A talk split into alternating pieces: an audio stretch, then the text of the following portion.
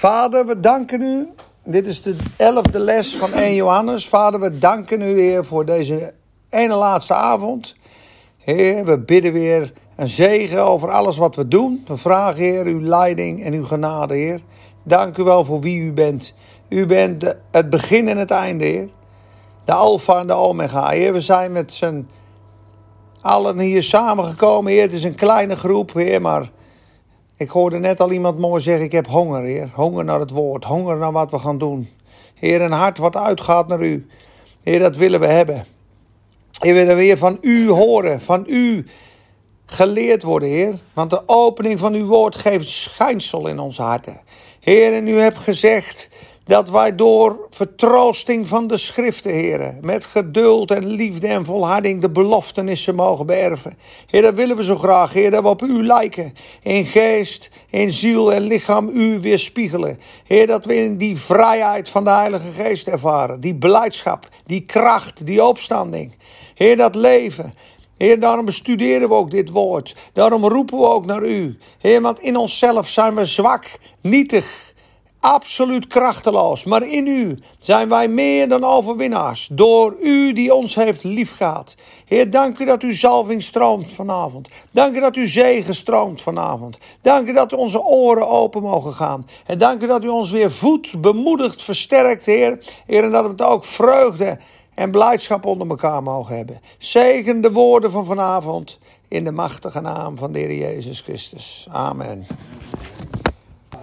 Zo. Ha. Zangeres mag willen zo strak. Oh, of niet? Ja, die gozer kan ook aan. Halleluja. Prachtige stem. Fantastisch. Nou, als zij erin jankt, dan... eh, Ja, ik hoop dat de pot nog vol is, jongens. Want halleluja.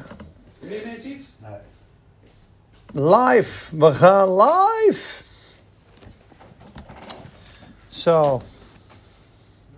Nou, ik vind dat beeld al aardig goed. Ik heb hem even iets feller gezet vandaag. Zien jullie mij eh, goed? Ha, lekker. Even kijken. Ja, nee, ik doe gewoon lekker eh, origineel filtertje, jongen. Kijk, Kees Ruizendaal. Kees, ben je erbij, jongen? Ja, Je zit in zijn veranda. maar ja, in zijn veranda. Voor de verandering. Nou, ik vind dit ook wel goed. Zo is goed. Halleluja. David van der Bos, gecondoleerd, maat. Ja, ja ik ga een, een, een, zaterdag eh, naar de begrafenis. Je dat gehoord van die eh, lieve man, die eh, Seibrand, Kroeske? Met die hoed. Beetje stevige man. Die altijd de evangelisatie doet. Die woont hier in Spakenburg. Op de Broerswetering nummer 33. Ja, die had al een tijdje kanker. Maar dat, wou, eh, dat was niet zo bekend. Dat wilden ze eigenlijk gewoon in kringen houden. En ze hebben ook eh, veel eh, gebeden en verwacht. Dus, maar goed, die, is bij de Heer. En dat was een hele lieve man. Want elke keer als hij mij zag, dan zei hij: Jij bent, jij bent de favoriet hoor in de hemel. Of de Heer die kijkt naar jou, jongen, dan is hij zo blij, weet je wel. Altijd bemoedigend. En hij moest ook altijd lachen om die Instagram-story, zei hij. Hoe oud is die geworden? 64. Oh. Te jong.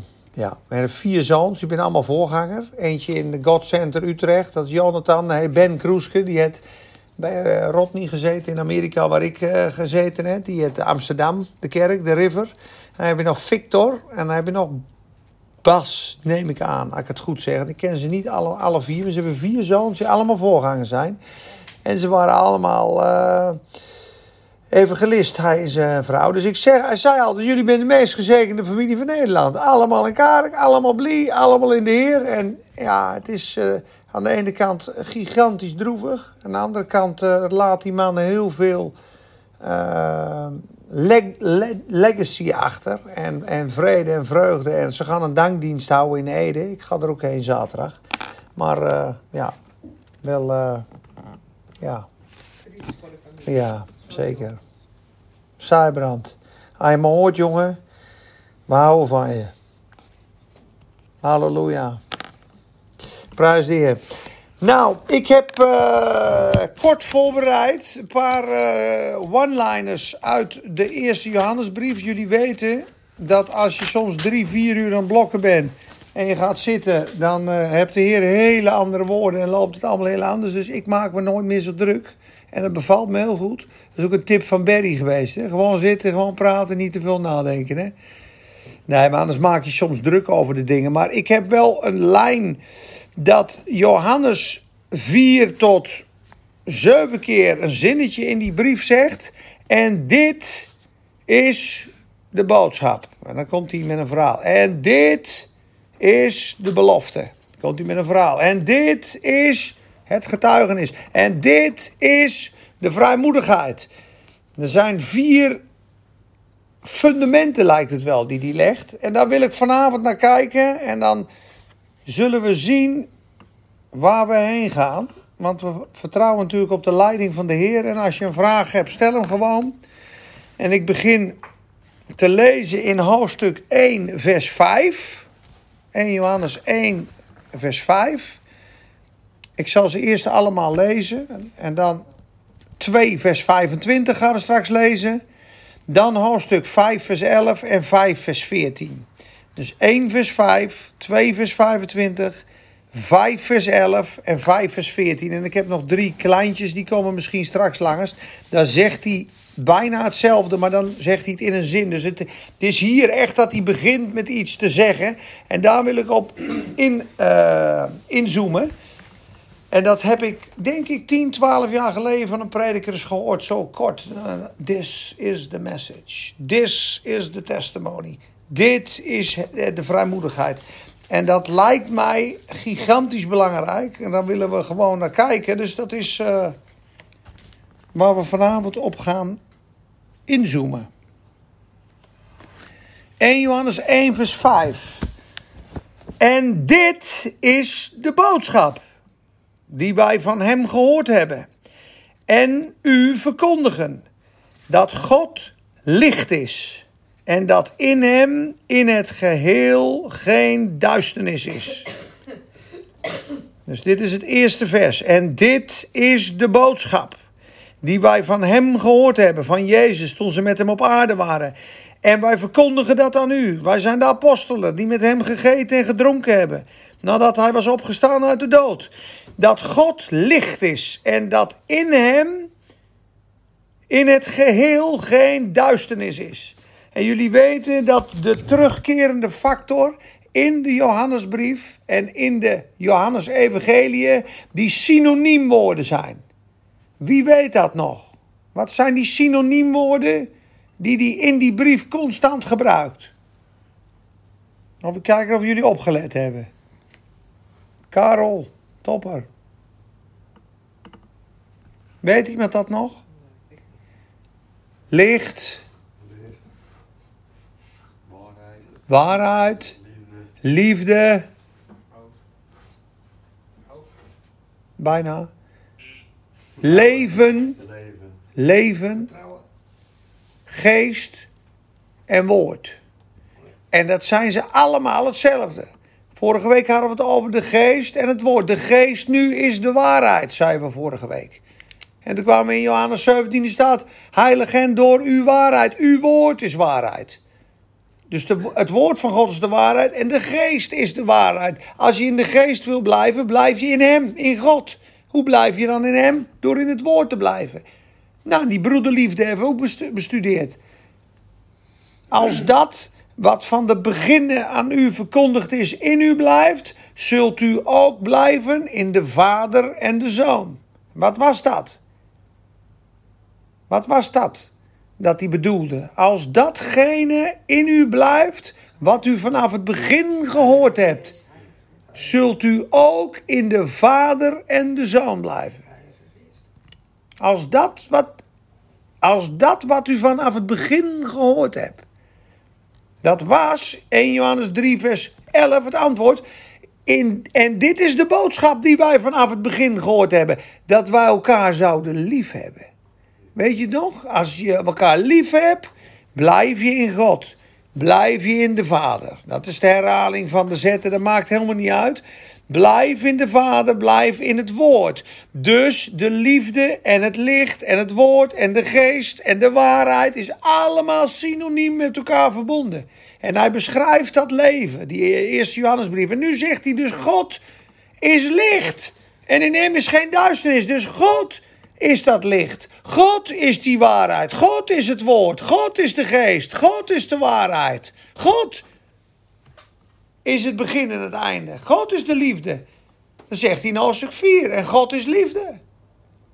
Dus uiteindelijk beschrijft hij hoe je dicht bij God kan leven in dat eeuwige leven. En daar hebben we gezien, het evangelie van Johannes beschrijft. Hoe krijg ik eeuwig leven? Door te geloven in de Heer Jezus, door je zonde te beleiden en door te aanvaarden dat Hij voor jou daar stierf. En dat jij opgestaan bent met Christus, je laat je dopen en je ontvangt het eeuwige leven. Je wordt opnieuw geboren. En nu vertelt hij eigenlijk in die brief hoe onderhoud je, geniet je en leef je dan in dat goddelijke eeuwige leven? Hoe blijf je in God? Hoe blijf je in die heerlijkheid, in die vreugde, in die blijdschap, in die kracht, in God? Dat je van kracht tot kracht, vreugde tot vreugde, geloof, geloof gaat. Want wij zijn gemaakt om met God te leven, God te wandelen, verbonden te zijn met Hem. En dat is wat we gaan leren in dit leven. We moeten leren in alles afhankelijk te worden van God. God moet ons alles worden. Ik, de springader van het leven. Mij hebben ze verlaten, zegt hij in Jeremia. En ze huwen zichzelf stenen emmers uit met gaten om te drinken. Maar mij hebben ze vergeten, de springader van het leven. Daarom zegt hij in Johannes 7, kom tot mij. Ieder die dorst hebt, ja dorst en honger. Ieder die dorst hebt, laat die komen tot mij en drinken. En het water dat ik hem geef zal worden als een rivier. En dit sprak hij over de Heilige Geest. En wie in mij gelooft, zoals de schrift heeft gezegd, stromen van levend water zullen uit zijn binnenste vloeien. Dan ben je vol van de Heilige Geest. Dan is het vrucht op vrucht, kracht op kracht. Daar wil God ons brengen, want wie in hem blijft, draagt veel vrucht. En nu komt die vraag natuurlijk, ja, hoe doe ik dat dan? Hoe blijf ik dan in hem, Johannes? Hoe blijf ik nou in dat leven? Want ja, er zijn genoeg verleidingen. Er zijn genoeg momenten dat je eh, kan kiezen van hoe bedoel je? Moet je klap aan je zijn of zo? Er zijn verleidingen, er zijn teleurstellingen, er zijn ontmoedigingen, er is aanval van de boze. Hebreeën spreekt over laat ons met volharding de wedloop lopen en afleggen alle last en de zonde die ons zo gemakkelijk verstrikt, staat er. The sin that do it so easily beset us. Dus het is zo makkelijk gebeurd. Even een, roddeltje, even een, een, een steek. En dan ben je eigenlijk uit dat leven. En Johannes wil ons leren, de Heer wil ons leren om in onafgebroken gemeenschap met de Heer Jezus te leren wandelen. En dat hoef je niet volmaakt voor te zijn, dat hebben we ook al gezegd, maar oprecht voor te zijn. Oprecht. Ik ben oprecht met u, Heer. Ik wil bij u zijn. Dat bloed reinigt je van alle zonde. Die zonde is het probleem niet. Het geloof om op hem te blijven zien, in het woord te blijven wandelen. En je kunt natuurlijk ongehoorzaam zijn, want als jij verleid wordt of een broeder zegt iets van je en je wordt boos, ja, dan breekt die gemeenschap. Want we hebben net gezegd, joh, als dat wat vanaf het begin in u zou blijven, dan blijft het ook in de vader en de zoon. Dat we elkaar zouden lief hebben. Nou, je snapt zelf, als je ruzie hebt met een broeder, dat je niet in God blijft. Dat die gemeenschap en die zegen in dat leven niet stroomt. Want dan ben je boos. En dat moet je dus in het licht brengen. En dat is bijvoorbeeld met een broeder. Maar dat kan met alles zijn in ons leven. Die boze gaat rond als een briesende leeuw, zoekende wie hij kan verslinden. Wederstaat hem. Hoe? Hoe staat het er? Wederstaat hem.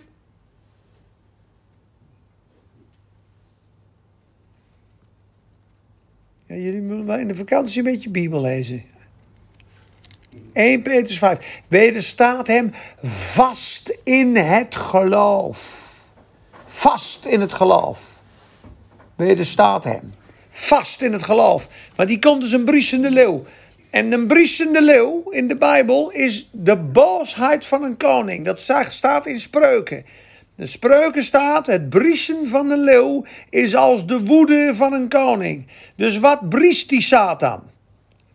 God is toornig op jou. Hij is woedend op je. Dat, dat, dat, dat briest hij, die leeuw. God is boos op je. God haat je. Je bent niet goed genoeg. Je bent een zondig, die zul je straffen. Je legt nog eens een oordeel. Denk je dat je red bent? Jij? We kijken hoe je doet. Smerige smeerlap. God ziet je al aankomen. Ben jij een christen? Ben jij een christen? Dan komt hij die aanklagen. Wederstaat hem vast in het geloof. Christus is voor mij gestorven. Het bloed reinigt van alle zonde.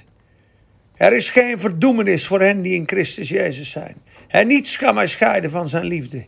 Ga achter mij, Satanas. Wat heb ik met jou van doen? Vaststaande in het geloof.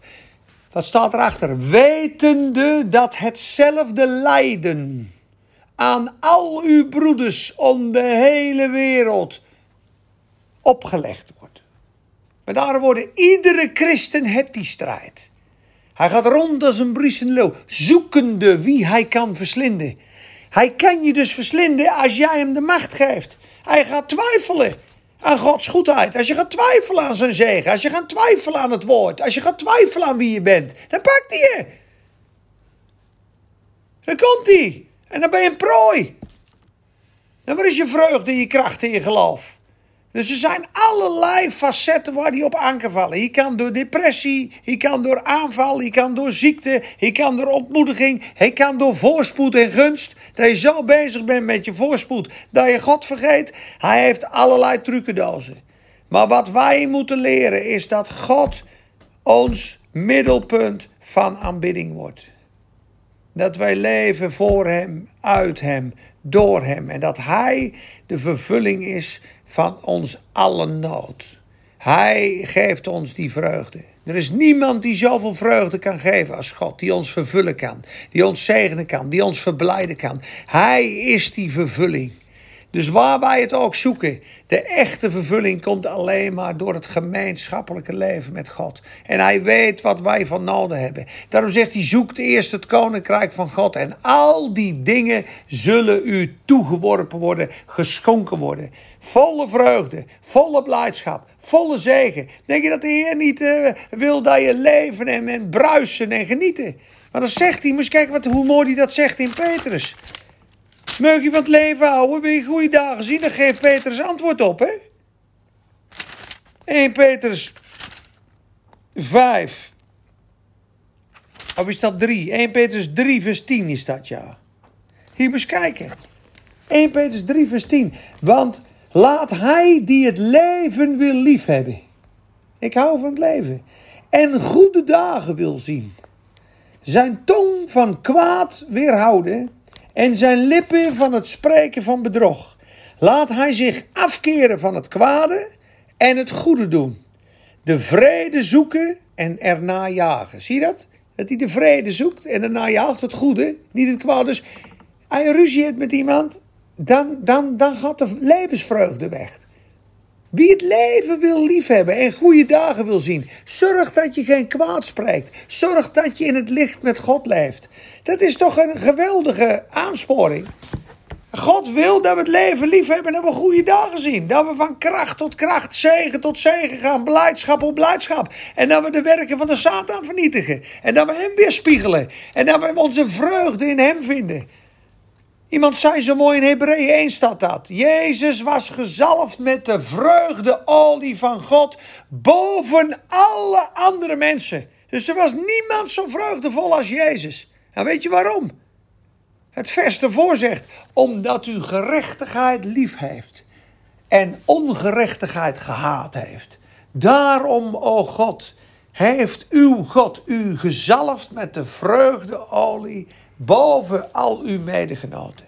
En u de scepter gegeven van gerechtigheid. Dus heersen in het leven als koning, volle vreugde is klaar voor de mensen die gerechtigheid lief hebben. Die zeggen, ik wil bij God horen in het recht en in het licht wil ik leven. En die ongerechtigheid haten. Ik haat de leugen. Ik haat de smerigheid. Ik haat dat en dat. En daar keer ik me ver van af. Want dat rooft je vreugde. Dat rooft je levensvreugde. Denk je dat God die geboden gegeven heeft om ons te treiteren? Nee, als we wandelen in het woord, in die baan, wandelen we in God. In de geest, in het leven, in de waarheid, in de openbaring, in de verwondering. Ga je leven met een grote L. Amen, zegt Renate. Halleluja. En daar moeten we, mogen we allemaal in groeien. Want allemaal hebben we terreinen in ons leven waar we nog zelf leven of waar God niet onze alles is. Waar we nog heel veel, en dat noemen we ze afgoden. Arie erover zegt dat is een afgod. Je vrouw kan zelfs je afgod worden. Hij zo lief, je vrouw zo lief hebt, zo waardeert, dat ze tussen jou en God komt te staan. Wordt je vrouw een afgod. Dat heb ik. Heb jij dat? Nou, dan moet je vanavond bekeren, want je hebt haar van God gehad. Maar dat is, eh, dat kan van alles zijn. Dus, wandelen in God is wandelen in het licht, is wandelen in de waarheid, is wandelen in de liefde. Dan gaan we naar 1 Johannes 2, vers 25. Daar hebben we ook al een les over gehad, maar die gaan we gewoon lekker herhalen. Een paar nuggets. En alles, Martijn van den Burg, halleluja.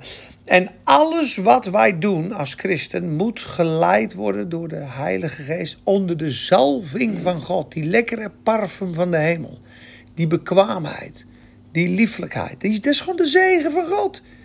Als je naar je werk gaat, dat je onder de zegen van God bent. Dan je zegt, joh, wat zit ik toch kip lekker in mijn vel. Ik geniet van die mensen. Mijn gesprekken ben gezegend. Mijn ingang is gezegend. In uw ingang, in uw uitgang, in uw komen, in uw gaan. In alles wil de Heer je zegenen. Zijn goedheid u overweldigt. Goedheid en weldadigheid zullen mij volgen al de dagen van mijn leven. In die verwachting gaat leven, in dat geloof. God is met mij. Hij is met mij. Hij is met mij. Vandaag ben ik een getuige. Vandaag ga ik kettingen breken. Vandaag ga ik glimlachen naar mensen. Vandaag ga ik in gerechtigheid wandelen. Vandaag ga ik leven in het levenslicht. Ranier Kramer, halleluja. Rappa kenda lama sesta. In Jezus' naam, Vader. We danken u, Heer, dat levenslicht. Wie mij volgt, zal geen zins in de duisternis wandelen, maar zal het licht des levens hebben. Zie dat? Leven en licht gaat weer samen, hè? Schrijf ze maar eens op, die woorden. En lees maar eens de Johannesbrief en de Johannes-evangelie. Schrijf die woorden maar eens op. Liefde, leven, waarheid, woord, geest, God. En dan heeft hij constant over. En dat leven is wat God ons heeft gegeven. Kijk maar eens. 1 Johannes 2, vers 24. Daar komt hij. Vers 25, sorry. En dit is de belofte die hij ons heeft beloofd. Het eeuwige leven.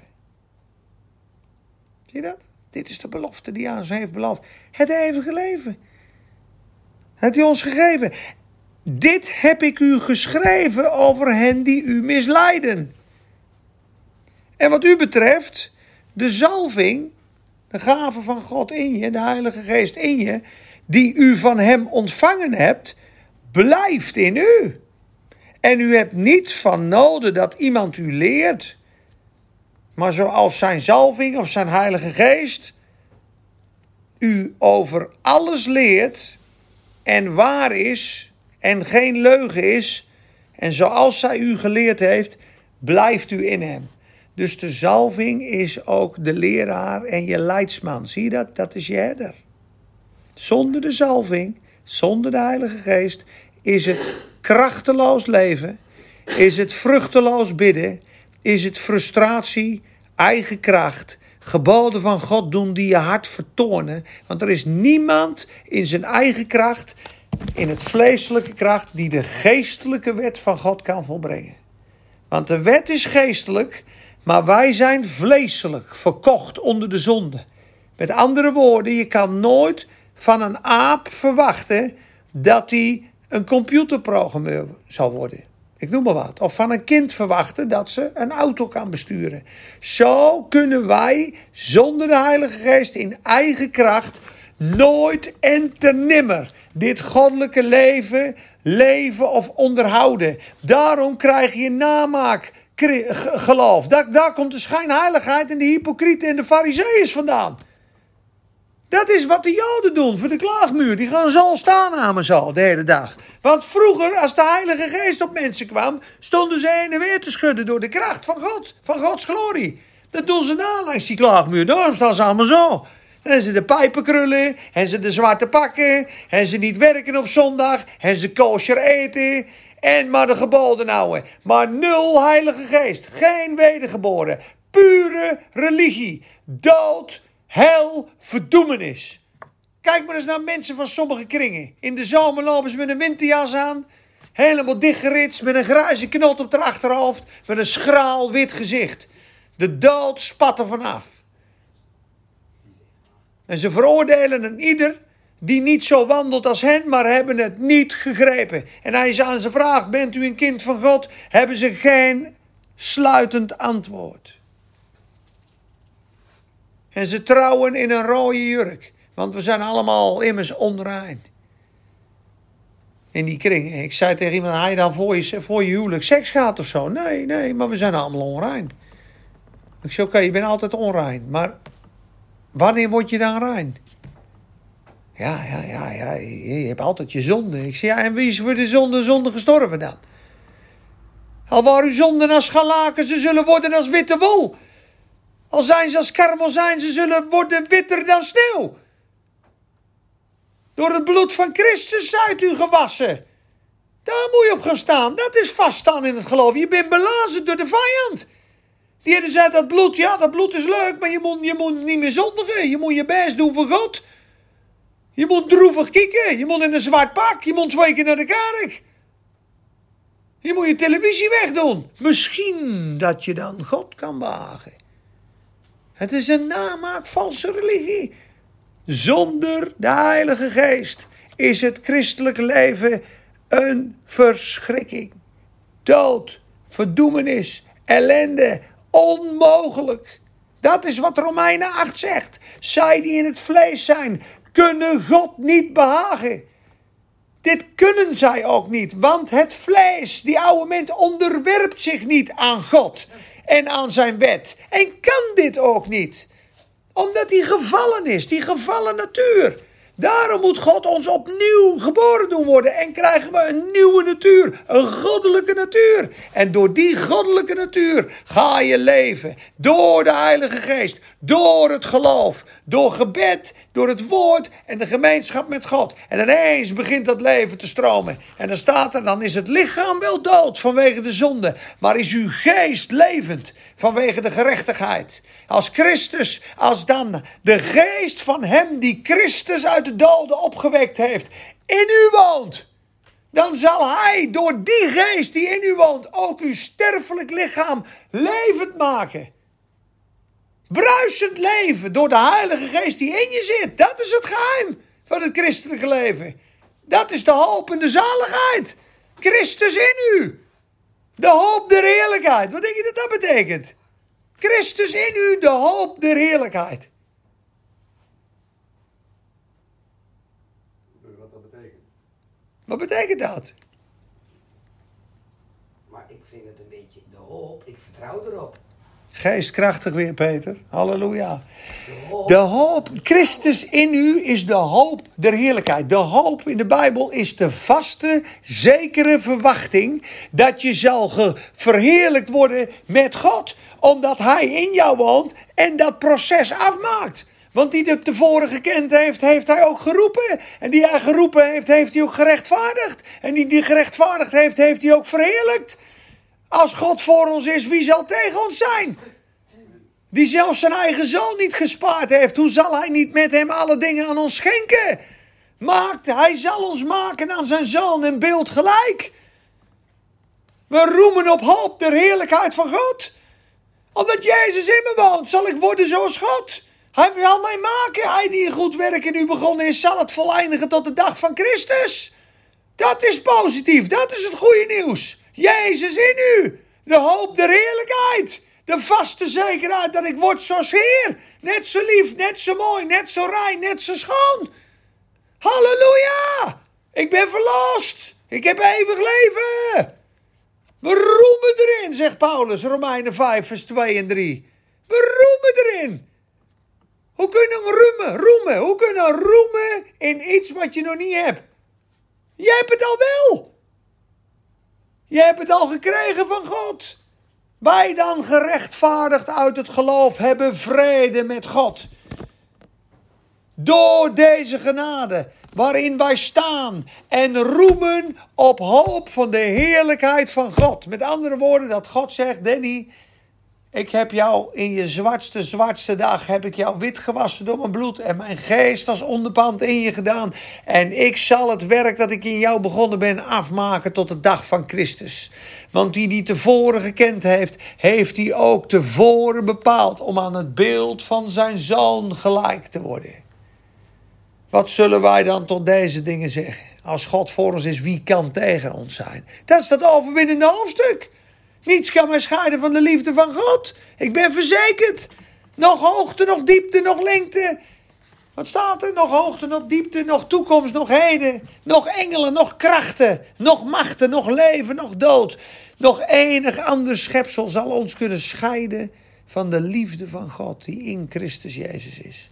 Een christelijk leven zonder de Heilige Geest is als een auto zonder motor. Het is leeg. Het komt niet vooruit. Er is maar één manier om te leven en dat is door het geloof, door de Heilige Geest. En als je de Heilige Geest volgt, dan wandel je automatisch in zijn gebod, in zijn woord. Want hij zal je nooit leiden op een plaats die niet in overeenstemming is met het woord. Hey Luna. Dat is het. Halleluja. De zalving die in u blijft. Leert u van alle dingen. Dus je kan ook gewoon thuis zeggen, jongens, ik heb de allerbeste leraar in mijn hart wonen. Heer, ik snap de Bijbel niet zo goed, maar u zult het mij leren. En dan doe je een gebed, zeg je, Heer, open mijn ogen en onderwijs mij uit uw woord. Amen. En dan ga je lekker zitten en dan ga je lezen en dan komt de Heilige Geest je helpen en dan ga jij dingen lezen die jij nog nooit gelezen hebt. En dan zeg je, jongen, jongen, stomme taal, dat heb, ik, dat heb ik nog nooit gezien. Dan begint het te leven. En dat woord hier is Christus zelf.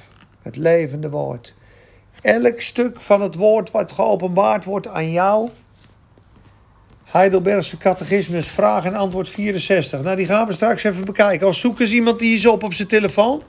Heidelbergse catechismus, vraag en antwoord 64. Reinier Kramer. Ken je die nog? Van de Maranatenkerk? Onze topper. Kan iemand die even opzoeken? Dan gaan we even inhaken. Heidelbergse catechismus, vraag en antwoord 64. Wie heeft er een glaasje water verpeet? Het is uh, elke keer vergeten. het.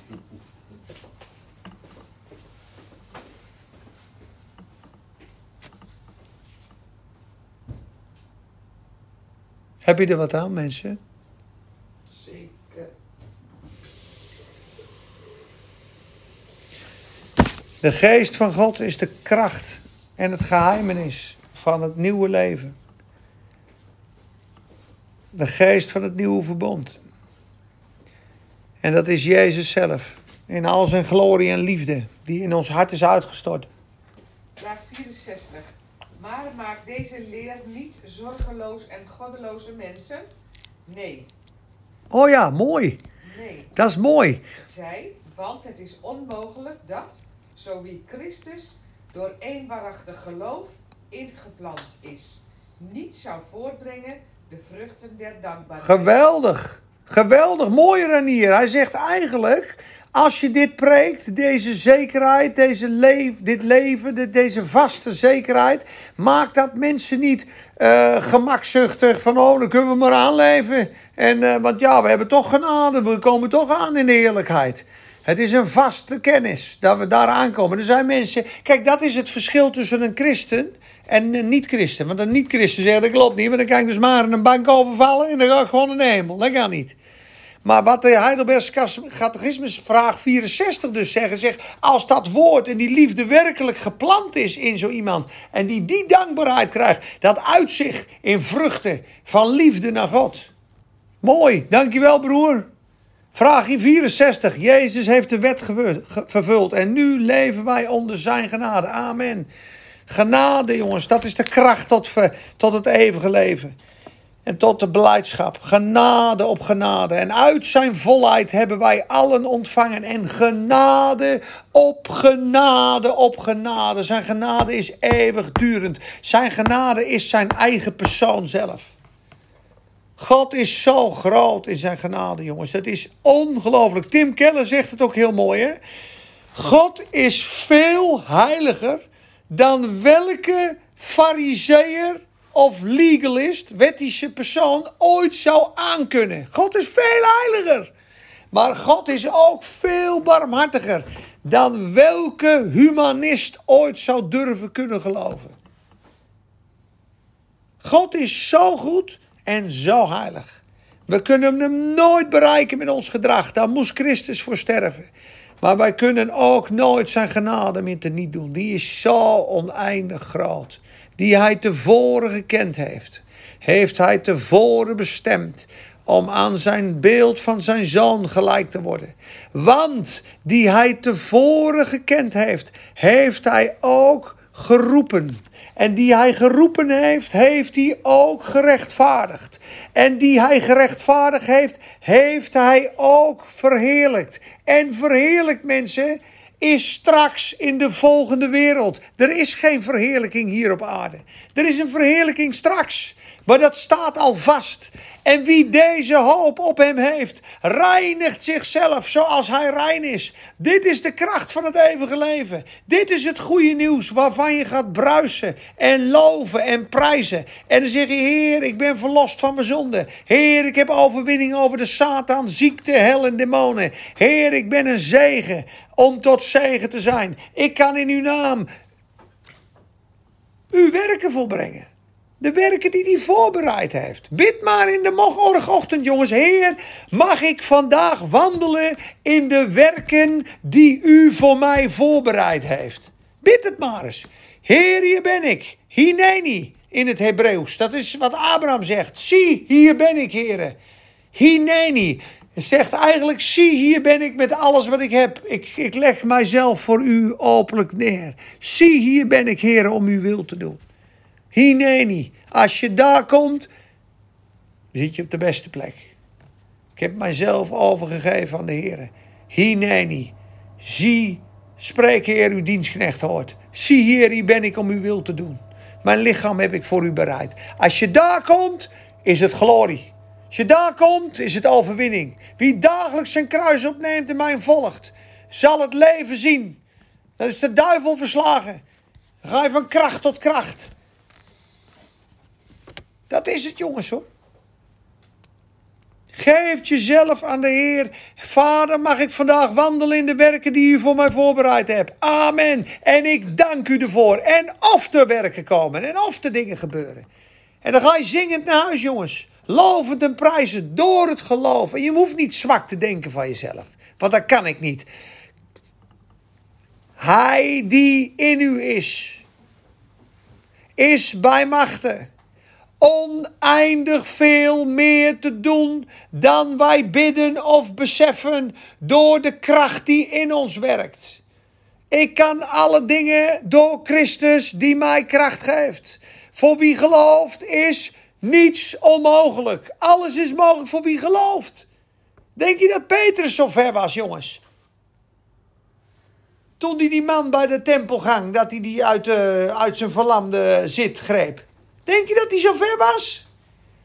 Hij heeft toch daarna ingelaten nog de Heer Jezus half uh, verlogen. Dat hij aan die andere tafel ging zitten. Hij had dan nog uh, zijn nukken en zijn dingen. En dan zegt hij, wat, wat, wat kijken jullie naar ons? Of wij door onze eigen kracht of heiligheid deze hebben doen lopen. Het is God die zijn kind Jezus door ons verheerlijkt heeft. Het is het geloof van hem wat deze mens weer gezond heeft gemaakt in de tegenwoordigheid van u allen. Het is de gave van God. Anders zouden wij wel de eer krijgen. Dan kon je nog pochten. Ik heb het gedaan. Niks kan je. Zonder mij kunt gij niets. Alles is genade. Dank u dat ik deel mocht zijn van het wonder. God wil je gebruiken in het wonder. Maar het is niet uit jou.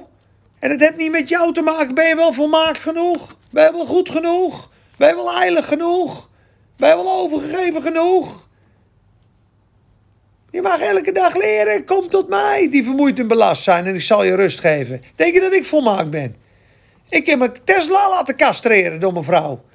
Ik rij als een malle. Ik zet er, doet er maar een code op, want ik kan het niet. Dus ik ben zo wild als me kan. Dat is wel eens hoor. Ik heb halve kracht. Ik kan niet meer harder dan 132 en hij trekt niet meer op. Dat is de enige manier dat ik normaal en rustig rijd. Want ik zit erover na te denken. Ja, je gaat een keer mis. En dan? Sta in de krant. Ja, hij had zijn mond vol van het woord, maar zijn rechtervoet, zijn zat in de hel of zo. Ja, het niet aan kan. Nee, maar dat is waar, jongens. We hebben allemaal onze nukken. Denk je dat één van ons hier volmaakt is? Nee, maar God kan onze onvolmaaktheid volmaakt maken door zijn genade.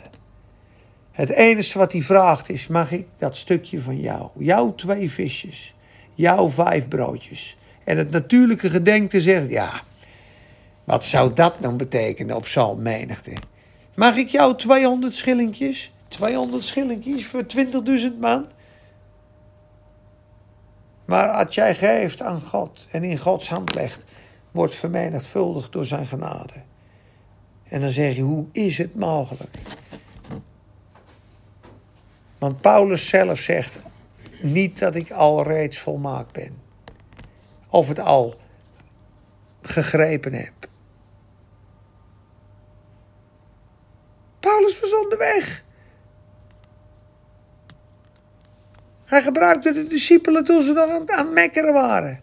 Aan het zeuren waren, aan het piepen waren. Nee, hij gebruikt ons gewoon. Op de plek waar we zijn.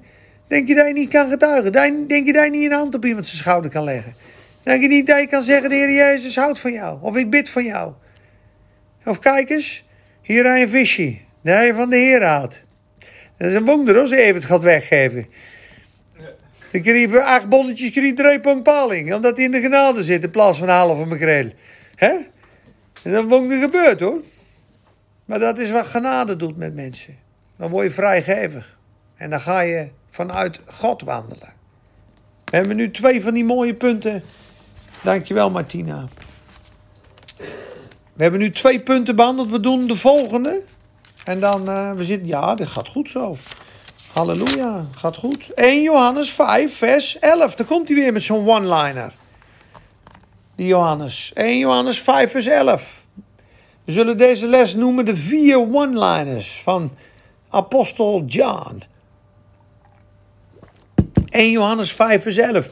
En dit is het getuigenis. Begint hij weer, zie dat? En dit is de boodschap: dat God licht is en in hem is geen duisternis. En dit is de belofte die hij ons gegeven heeft: eeuwig leven. En nu weer. En dit is het getuigenis. Zie dat? Dat God ons eeuwig leven heeft gegeven. En dit leven, daar hebben we het vanavond over, is in zijn zoon. Zie je dat? Dit mooie goddelijke leven is in zijn zoon. Het is in Christus. Daarom zei een prediker ook zo mooi. Het is eigenlijk niet genoeg om Christus in u te hebben. Maar het is mooi dat je Christus in je hebt. Maar dan kan je nog voor jezelf leven. Maar ook moet jij in Christus blijven. Dus Christus zit in jou, dat is die wedergeboorte. Je bent een kind van God geworden. En nu word je geleid door Gods geest. En wie geleid wordt door Gods geest, blijft in hem. Dan moet je ook in Christus blijven. Dat is vrucht dragen. Dat is God leren kennen. Dat is zijn koninkrijk bouwen. Dat is groeien. Als jij alleen Christus in u hebt en je doet je eigen zin een beetje, ben je wel een kind van God, maar je blijft in je pamper. Je blijft een baby. Je blijft mekkeren. Je, gaat, je kan nog steeds niet hardop bidden na tien jaar. Dan denk je, jongens, op een gegeven moment, kom eens op joh, ga er staan. Ga er staan, weet je wel wie er in je leeft. Met dat gemekker. Ga je denken eens vernieuwen. En je kan wel elke week eh, eh, tijdschriften blijven lezen en je denken niet kunnen vernieuwen. Maar als Christus in u is, ben je een kind van God, geweldig. Maar in Christus blijven is vrucht dragen. En dit leven is in zijn zoon. Wie de zoon heeft, heeft het leven, het eeuwige leven. Wie de zoon niet heeft, heeft het eeuwige leven niet. Dus ga nou niet geloven in algehele verzoening, want dat is er niet. Ieder die de geest van Christus niet heeft, behoort God niet toe. Daarom zegt Paulus ook: Heb u de geest ontvangen toen u geloofde? Ja. Als je de geest ontvangen hebt, dat is Christus in u. Dan ben je opnieuw geboren, ben je een kind van God.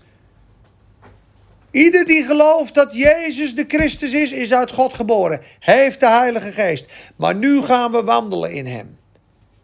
En dat is zo belangrijk. Als je een discipel wil zijn, het koninkrijk wil zien uh, gebouwd worden door je heen, zul je in Christus moeten blijven. Blijf in Hem. Dan draagt u veel vrucht. Blijf in Hem. Dan draagt u veel vrucht. Johannes 15, vers 16. Niet ik, niet u hebt mij uitgekozen, maar ik heb u uitgekozen. Dat u zou heen gaan en vrucht zou dragen. En dat u vrucht zou blijven. Hierin is mijn Vader verheerlijkt, dat u veel vrucht draagt. Zo zult gij waarlijk mijn discipelen zijn. Waarlijk mijn leerling zijn, mijn volgeling zijn. En iedere discipel die volwassen is geworden, zal exact zo zijn als zijn meester. Geloof je dat? Lucas 4, vers 40. Zullen we die eens hardop zeggen, jongens? Iedere discipel, zeg maar, iedere discipel die volwassen geworden is. Even spreek mee.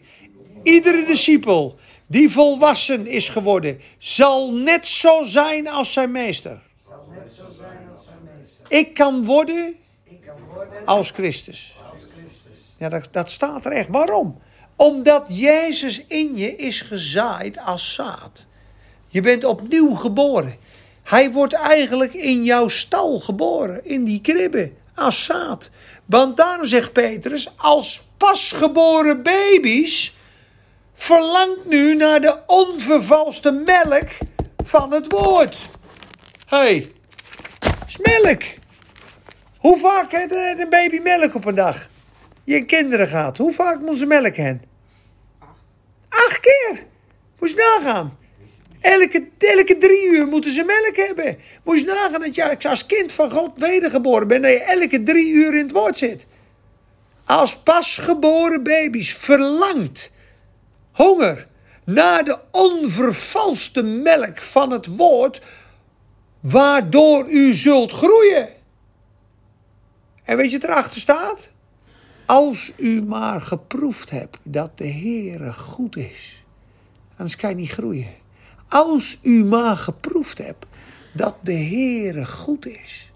Zijn goedheid, hebben we van gezongen, hè? dat zijn goedheid over u mag stralen. Als jij niet gelooft dat God goed over jou is, dat hij uitzonderlijk betrokken bij je is, kan je ook niet groeien. Ik weet het niet hoor. Hij is vol van barmhartigheid over jou. Hij is vol goede tierheid over jou.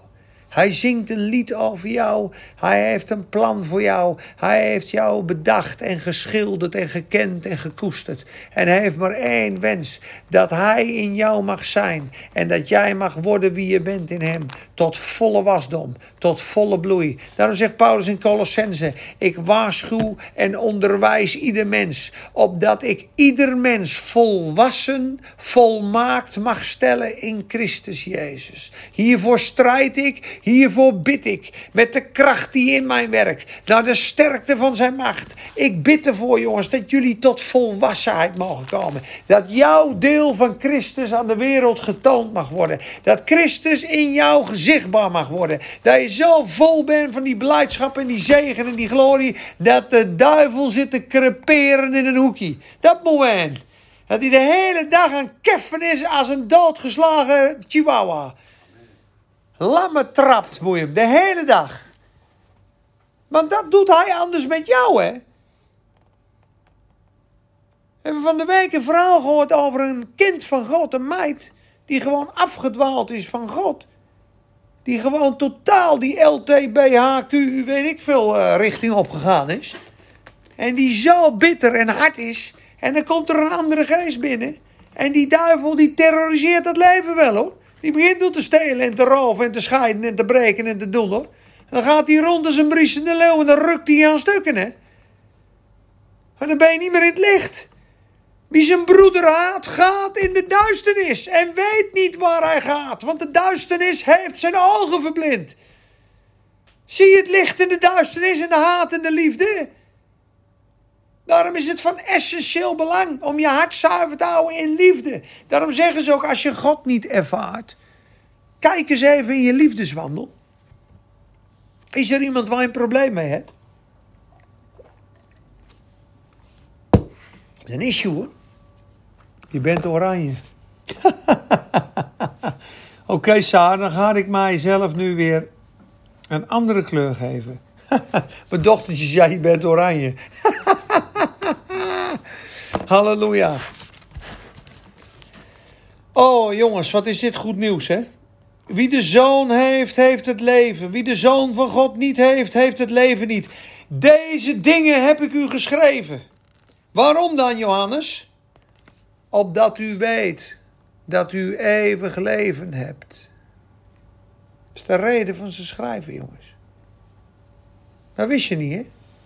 Deze dingen heb ik u geschreven, opdat u weet dat u eeuwig leven hebt. U die in de naam van de Zoon van God gelooft. Mooi hè?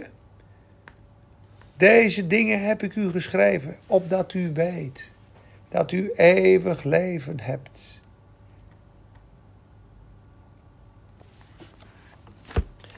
Halleluja. Oké, nou hebben wij de laatste. En dat gaat over gebed. En dan zegt hij weer, vers 14. Wie wil vers 14 even hardop voorlezen? 1 Johannes 5, vers 14.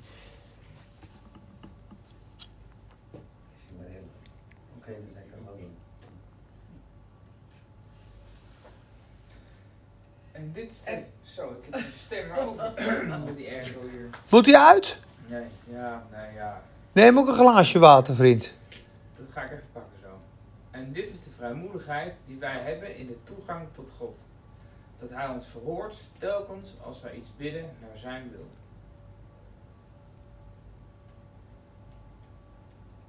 Dat hij ons hoort. En als wij weten dat hij ons hoort, wat wij ook bidden, dan weten wij dat wij de beden hebben die wij van hem hebben gebeden.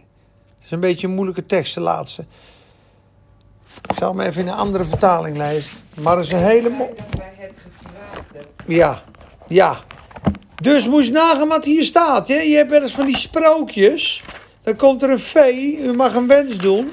Eén, twee of drie wensen. Maar ik weet niet of je weet wat de christen gegeven is. Naar de wil van God. Om te bidden vanuit zijn hart voor het koninkrijk. Maar ook voor een winterjas hoor. En ook voor een gunst. Dit is de vrijmoedigheid, zegt hij. En dit is de vrijmoedigheid die wij tot hem hebben. Dat zo wij iets bidden naar zijn wil, hij ons verhoort. Punt. Dat is gewoon 100% gebedsverhoring, staat hier. En indien wij weten dat hij ons verhoort, wat wij ook bidden, zo weten wij dat wij datgene zullen verkrijgen dat wij van hem gebeden hebben. Dat is een, nog een belofte, jongens. Dit is de vrijmoedigheid. De confidence. Weet je wat vrijmoedigheid betekent? Je gemoed is je gedachte. Zwaarmoedig is zware gedachte. Blijmoedig is een blij, blij gemoed. Is een blij gemoed? Dit is dus een vrijmoedigheid. Dat betekent dat je vrij in je gedachten bent. Dat er geen enkele restrictie is tussen jou en God. Dat je vol zekerheid bent, vol vertrouwen. Zo mag je naar de, naar de troon gaan. Nader dan met volle vrijmoedigheid voor de troon van genade. Om genade te vinden in tijden van nood en barmhartigheid te verkrijgen. Wat denk je? Wat hier staat. Dat als wij iets bidden naar zijn wil, hij ons hoort. En dit is de zekerheid. Dit is de confidence that we have. Dit is de vrijmoedigheid. Dit is de absolute zekerheid. Dat als wij iets bidden naar zijn wil, hij ons zal verhoren. En wij weten dat als hij ons zal verhoren, dat wat we gebeden hebben, wij ook van hem zullen ontvangen. Zegt hij er nog even na. Eens kijken wat een kracht in het gebed. Daarom wilde Satan niet dat je gaat staan. En dat je niet vrijmoedig wordt. Dat je niet als een leeuw wordt. En dat je optreedt. Jij kan met je mond gigantisch veel aanrichten in zijn koninkrijk. En je kan gigantisch veel zegen, liefde, blijdschap, leven vrijzetten. Over welk persoon dan ook. Door het geloof. Naar zijn wil. En wat is zijn wil? Weet je wat Gods wil is? God is liefde, maar niet, liefde is niet altijd God. Maar dan is het geen liefde, dan is het lust. Ware liefde is wel altijd God. Namaakliefde is niet God. De liefde is uit God. De liefde is een persoon. Denk ik. Gods wil Dat vind ik zo moeilijk juist. is zijn woord. Makkelijk hè? Dit is Gods wil. Dat als wij iets bidden naar zijn wil. Maar wat is zijn wil dan? Maar je zegt zelf net, je mag ook bidden voor een jas, ik noem maar wat. Ja? Ik bid, Dat is een specifieke wil, dat kan. Ja, maar als je nou bidt voor een zieke. Dat, dat, dat is denk ik, dan ga ik weer twijfelen denken. Ja, dat is vast Gods wil niet. Maar waarom? Waarom? Als je het woord kent. Ik vind dat echt moeilijk. Hij die zelf zijn eigen zoon niet gespaard heeft, maar hem overgegeven heeft voor ons allen. Ja? Hoe zal hij niet met hem u alle dingen vrij schenken? Dus alles wat je vraagt aan God, mag je vragen aan God.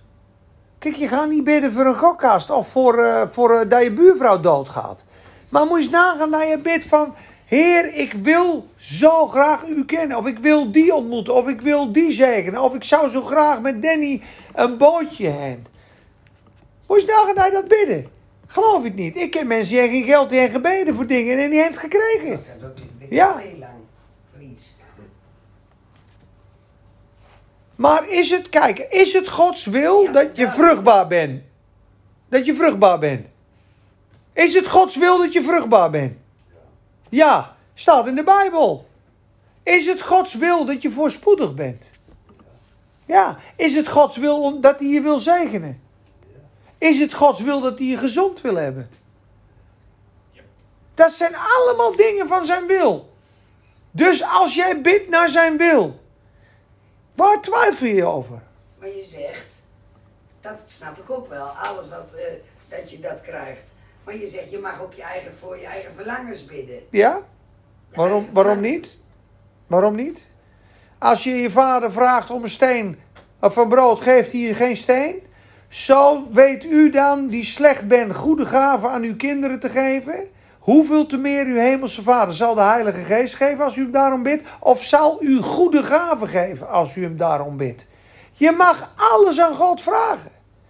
En als je vrijmoedig genoeg bent om te vertrouwen dat hij het wil geven, zul je het hebben. Dat is nou het bijzondere. Ik ken iemand die heeft geen geld. Maar die heeft gebeden voor iets. En die heeft een auto gehad. En die zei, maar ik heb geen geld voor benzine. Dat die beden voor een tankpas. En die kreeg een tankpas. En die had het niet, maar die had het wel.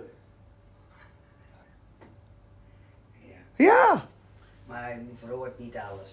Maar je moet ook maar geduld niet hebben. op. Hij, dit is, dit is, hij verhoort niet alles. Ja, maar nu zit je met je huis. Nu zit je met je huis. Maar als je bidt naar zijn wil. Ja, God wil jou een huis geven. Maar als God in zijn wijsheid nu ziet dat het niet de tijd is. Of dat jij over drie jaar concludeert. Oh, wat is dat goed. Wat is dat goed dat we toen niet te gaan zijn. Want dan had dit en dit. Jawel, maar maar je, maar alles voor Ja, maar ik ga toch ook niet bidden, ik ga toch ook niet bidden voor een tweede vrouw en een maîtresse? Dan kan, je, dan kan God er niet verhoren. Je vraagt toch niks geks? Nee. Nee, maar nou, dan- zeg je, misschien is het onze tijd niet. Dat zeg je altijd. Ja, zeg je altijd. Ja. eh. Alleen Wanneer ga je er nu zelf op vertrouwen dan? Ja. Vader, laat uw wil geschieden. Als je dan zegt, vader, laat uw wil, laat uw wil geschieden in mijn leven. Dat nou En wij bidden ook vaak naar onze eigen inzicht. Maar als je nou bezig bent in de dingen van God en je hart wordt geleid door liefde, dan bid je toch voor dingen die goed zijn. Dan ga, snap je? Ik heb op bijbelschool had ik ook geen geld. Toen had ik, het, ik wist het helemaal niet dat het zo werkte. Ik heb, wat op bijbelschool heb ik een keer gebeden zo. Heer, ik bid voor, eh, want er had iemand gezegd. Ik denk, nou, is goed, dat ga ik proberen. Ik bid voor zeven mooie shirts. Ja, zeven mooie blouses eh, wil ik wel hebben. In Jezus' naam. Ik echt te beden, dat ik niks. Kom ik bij een zaak in Amerika. En eh, op zo'n etalagepop zit een blouseje. Toen zei die man, ja, ze zijn vandaag allemaal van 50 naar 20 dollar. Die blouses. Ik zei, nou, geef er maar zeven aan. Ik koop die dingen, kom ik de volgende dag terug, worden ze 50 dollar. Die zei, ja, we hebben een fout gemaakt gisteren, joh. Die dingen zijn ook geen 20 euro, die zijn gewoon 50, 50 dollar, mensen. In één dag worden ze verlaagd. Voor één dag. Ik heb de zeven gekocht, de volgende dag worden ze weer 50. Ik zeg het toch als een wonder. Ik heb ze niet gratis aan, maar ik had ze voor heel weinig. Een groene, een zwarte, een geel, een oranje, een blauwe, allemaal mooie stretchshirtsies. Ik heb zeven kleuren, nak. Ja, kunnen zeggen dat niet zo is. Ik heb gebeden voor een winterjas toen ik geen geld had. Kreeg de volgende dag een winterjas. Maar het meeste is natuurlijk als je bidt, jongens, dat je toch tot zegen mag zijn. Dat je bezig bent met de dingen van God. Maar moet je eens nagaan dat je mag bidden voor een auto als je geen auto hebt. Ik zou je zeggen, als jij eh, eh, dat niet kan betalen en jij bidt daarvoor en je vraagt het oprecht aan God. Ik geloof dat God het wil geven. Ik geloof het echt. Maar heel veel mensen denken, ja, nee, hij het niet heen, hij het niet kopen, je moet het verwerken. Als je zo denkt, dan heb je het niet. Want wie twijfelt in zijn hart, moet niet denken dat hij iets van de Heer zal ontvangen. Dat staat er ook, hè, Jacobus. Wie God vraagt om wijsheid, ja, God geeft het hem zonder wedervraag. Maar als hij bidt, laat hij bidden in geloof, zonder te twijfelen.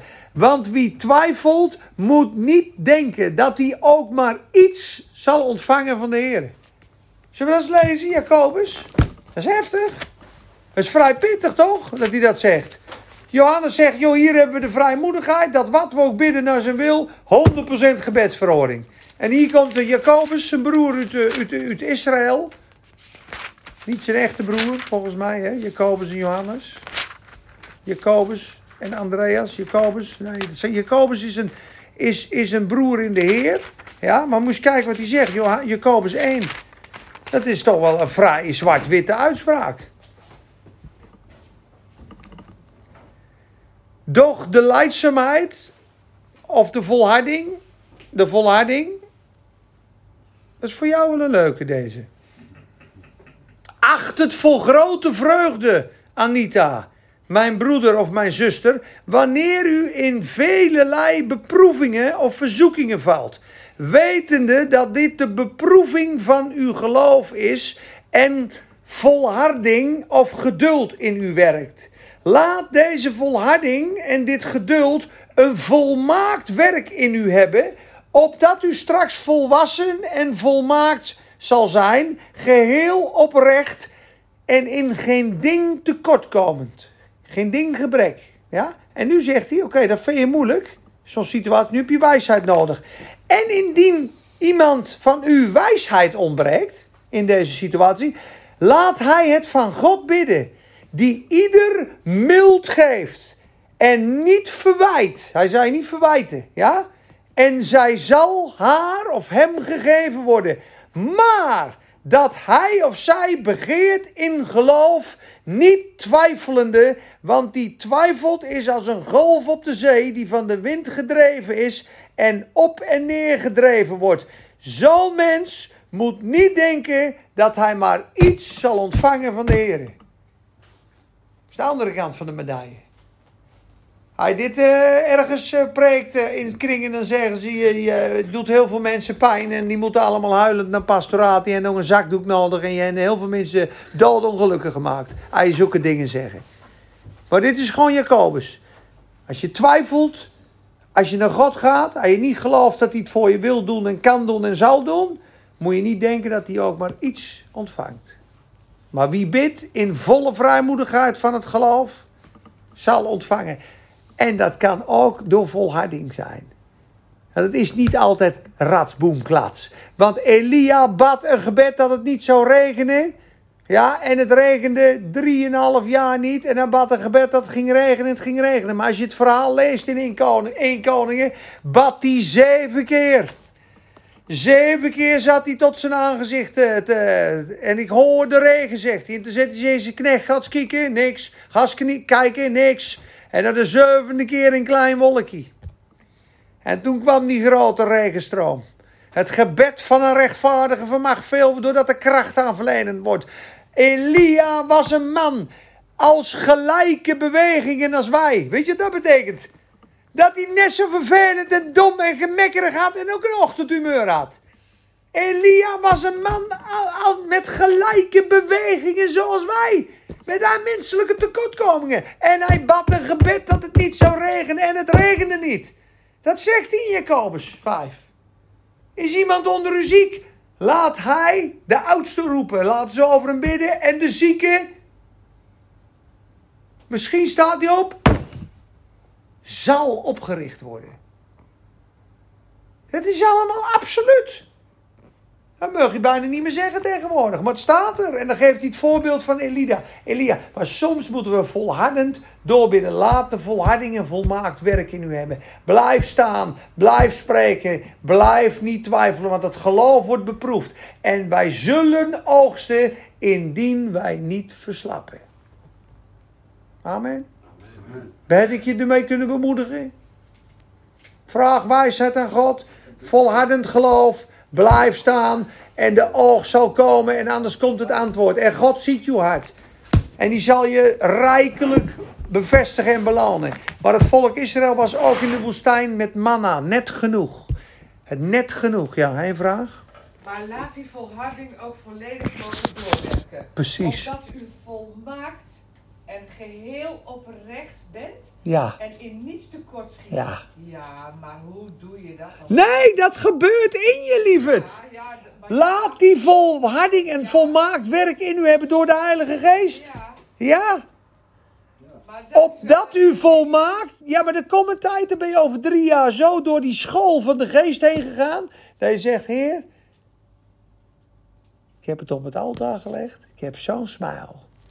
Maar het komt er eigenlijk op neer. Eh, Anita heeft een wens. Als zij eh, eh, vers 4 aanhoudt in haar leven, geheel oprecht is. Nee, nee, staat er niet. Staat er niet. Staat er niet. Staat er niet. Maar laat die volharding ook volledig mogen doorwerken Ja, door de Heilige Geest in jou. in je. Ja, Opdat je volmaakt bent ja, bent en geheel oprecht. en geheel oprecht. Maar je mag in niets, Is het eindresultaat. Is het resultaat. maar je mag in niets tekortschieten. Nee, dat staat er niet. Je leest het heel wettisch nu. Jij leest het als een verwijt. Je moet oprecht zijn, je moet volmaakt zijn, je moet niks tekortschieten, anders krijg je het niet. Nee, hij zegt laat Gods knedende hand een volmaakt werk in u hebben, zodat je straks volmaakt bent, zonder gebrek, in niets tekortschietend. Dat God het in je werkt. Laat Hem nou aan je hart werken. Want dit geduld, dat je het niet gelijk krijgt, dat is een proces. En dat proces van geduld is van afsterven en vertrouwen op God. En dan stop jij met proberen, stop jij met eigen kracht. En op een gegeven moment zeg je, Heer, ik geef me over. En dan zegt God, kijk. En nu heb je geduld geleerd. En nou ben je zonder aanstoot oprecht en gebrek. En nu geef ik je de overwinning. Dan ben je door de school heen gegaan van volharding. Laat volharding een werk in u hebben. En niet je moet dit en je moet dat en je moet dat. Nee, dat is de wet. Maar het is veel mooier. Hij die een goed werk in u begonnen is, zal het afmaken tot aan de dag van Jezus Christus. Wie doet het? Hij. Die het willen en het werken in u zal volbrengen. En we sluiten af met Hebreeën 13, vers 21. Moet je eens kijken wat daar staat. Oh, Hebreeën 13, vers 20 en 21. Zal ik je deze eens even voorlezen dan? Hebreeën 13, vers 20 en 21. Kijk eens even, jongens. Hey, dit is hem hoor. Let eens op. De God nu. Doe het maar uit, joh. Druk maar, druk maar op de kastje. Daar rechtse kastje, daar in de hoek. Druk maar uit. Kun je zo op een knop drukken en dan druk je hem zo uit. Tot ziens en naar u. Luister goed, deze is voor Maria en voor Anita. En we bidden ook straks voor jullie dat je antwoord mag krijgen en rust in die situatie. De God nu van de vrede, die uit de doden heeft teruggebracht, de grote herder van de schapen, onze Heere Jezus Christus, door het bloed van het eeuwige verbond, mogen Hij u volmaken in al het goede, tot het doen van Zijn wil, terwijl Hij in ons doet wat voor Hem welbehagelijk is, door Jezus Christus. Hem zij de heerlijkheid tot in alle eeuwigheid. Amen. Zie dat? Mogen Hij u volmaken in al het goede, tot het doen van Zijn wil, terwijl Hij in ons doet wat voor Hem welbehagelijk is. Door Jezus Christus. Zie je dat Hij het doet in je? Wat wij moeten doen is vertrouwen en zien op Christus. En dan gaat Hij het overnemen in ons. En dat leven in ons onderhouden. Die stroom van het leven maakt ons mooi. Jij kan jezelf niet veranderen. God verandert jou. En je zult zien door de jaren heen, je hebt het zelf niet door. Dan komen mensen naar je toe. Anita, je bent echt veranderd kind. Wat ben je daarin gegroeid? Helemaal niks veranderd, zeg je dan. Nee. En, of er wat veranderd is. En er komt een tijd, dan zeg je, Heer, ik ben dolgelukkig in u. Al wat ik heb, heb ik gevonden in u.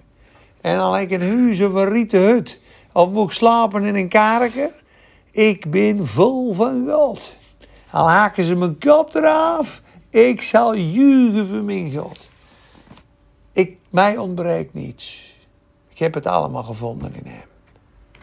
En dan gaan we komen. Amen. Amen. Amen.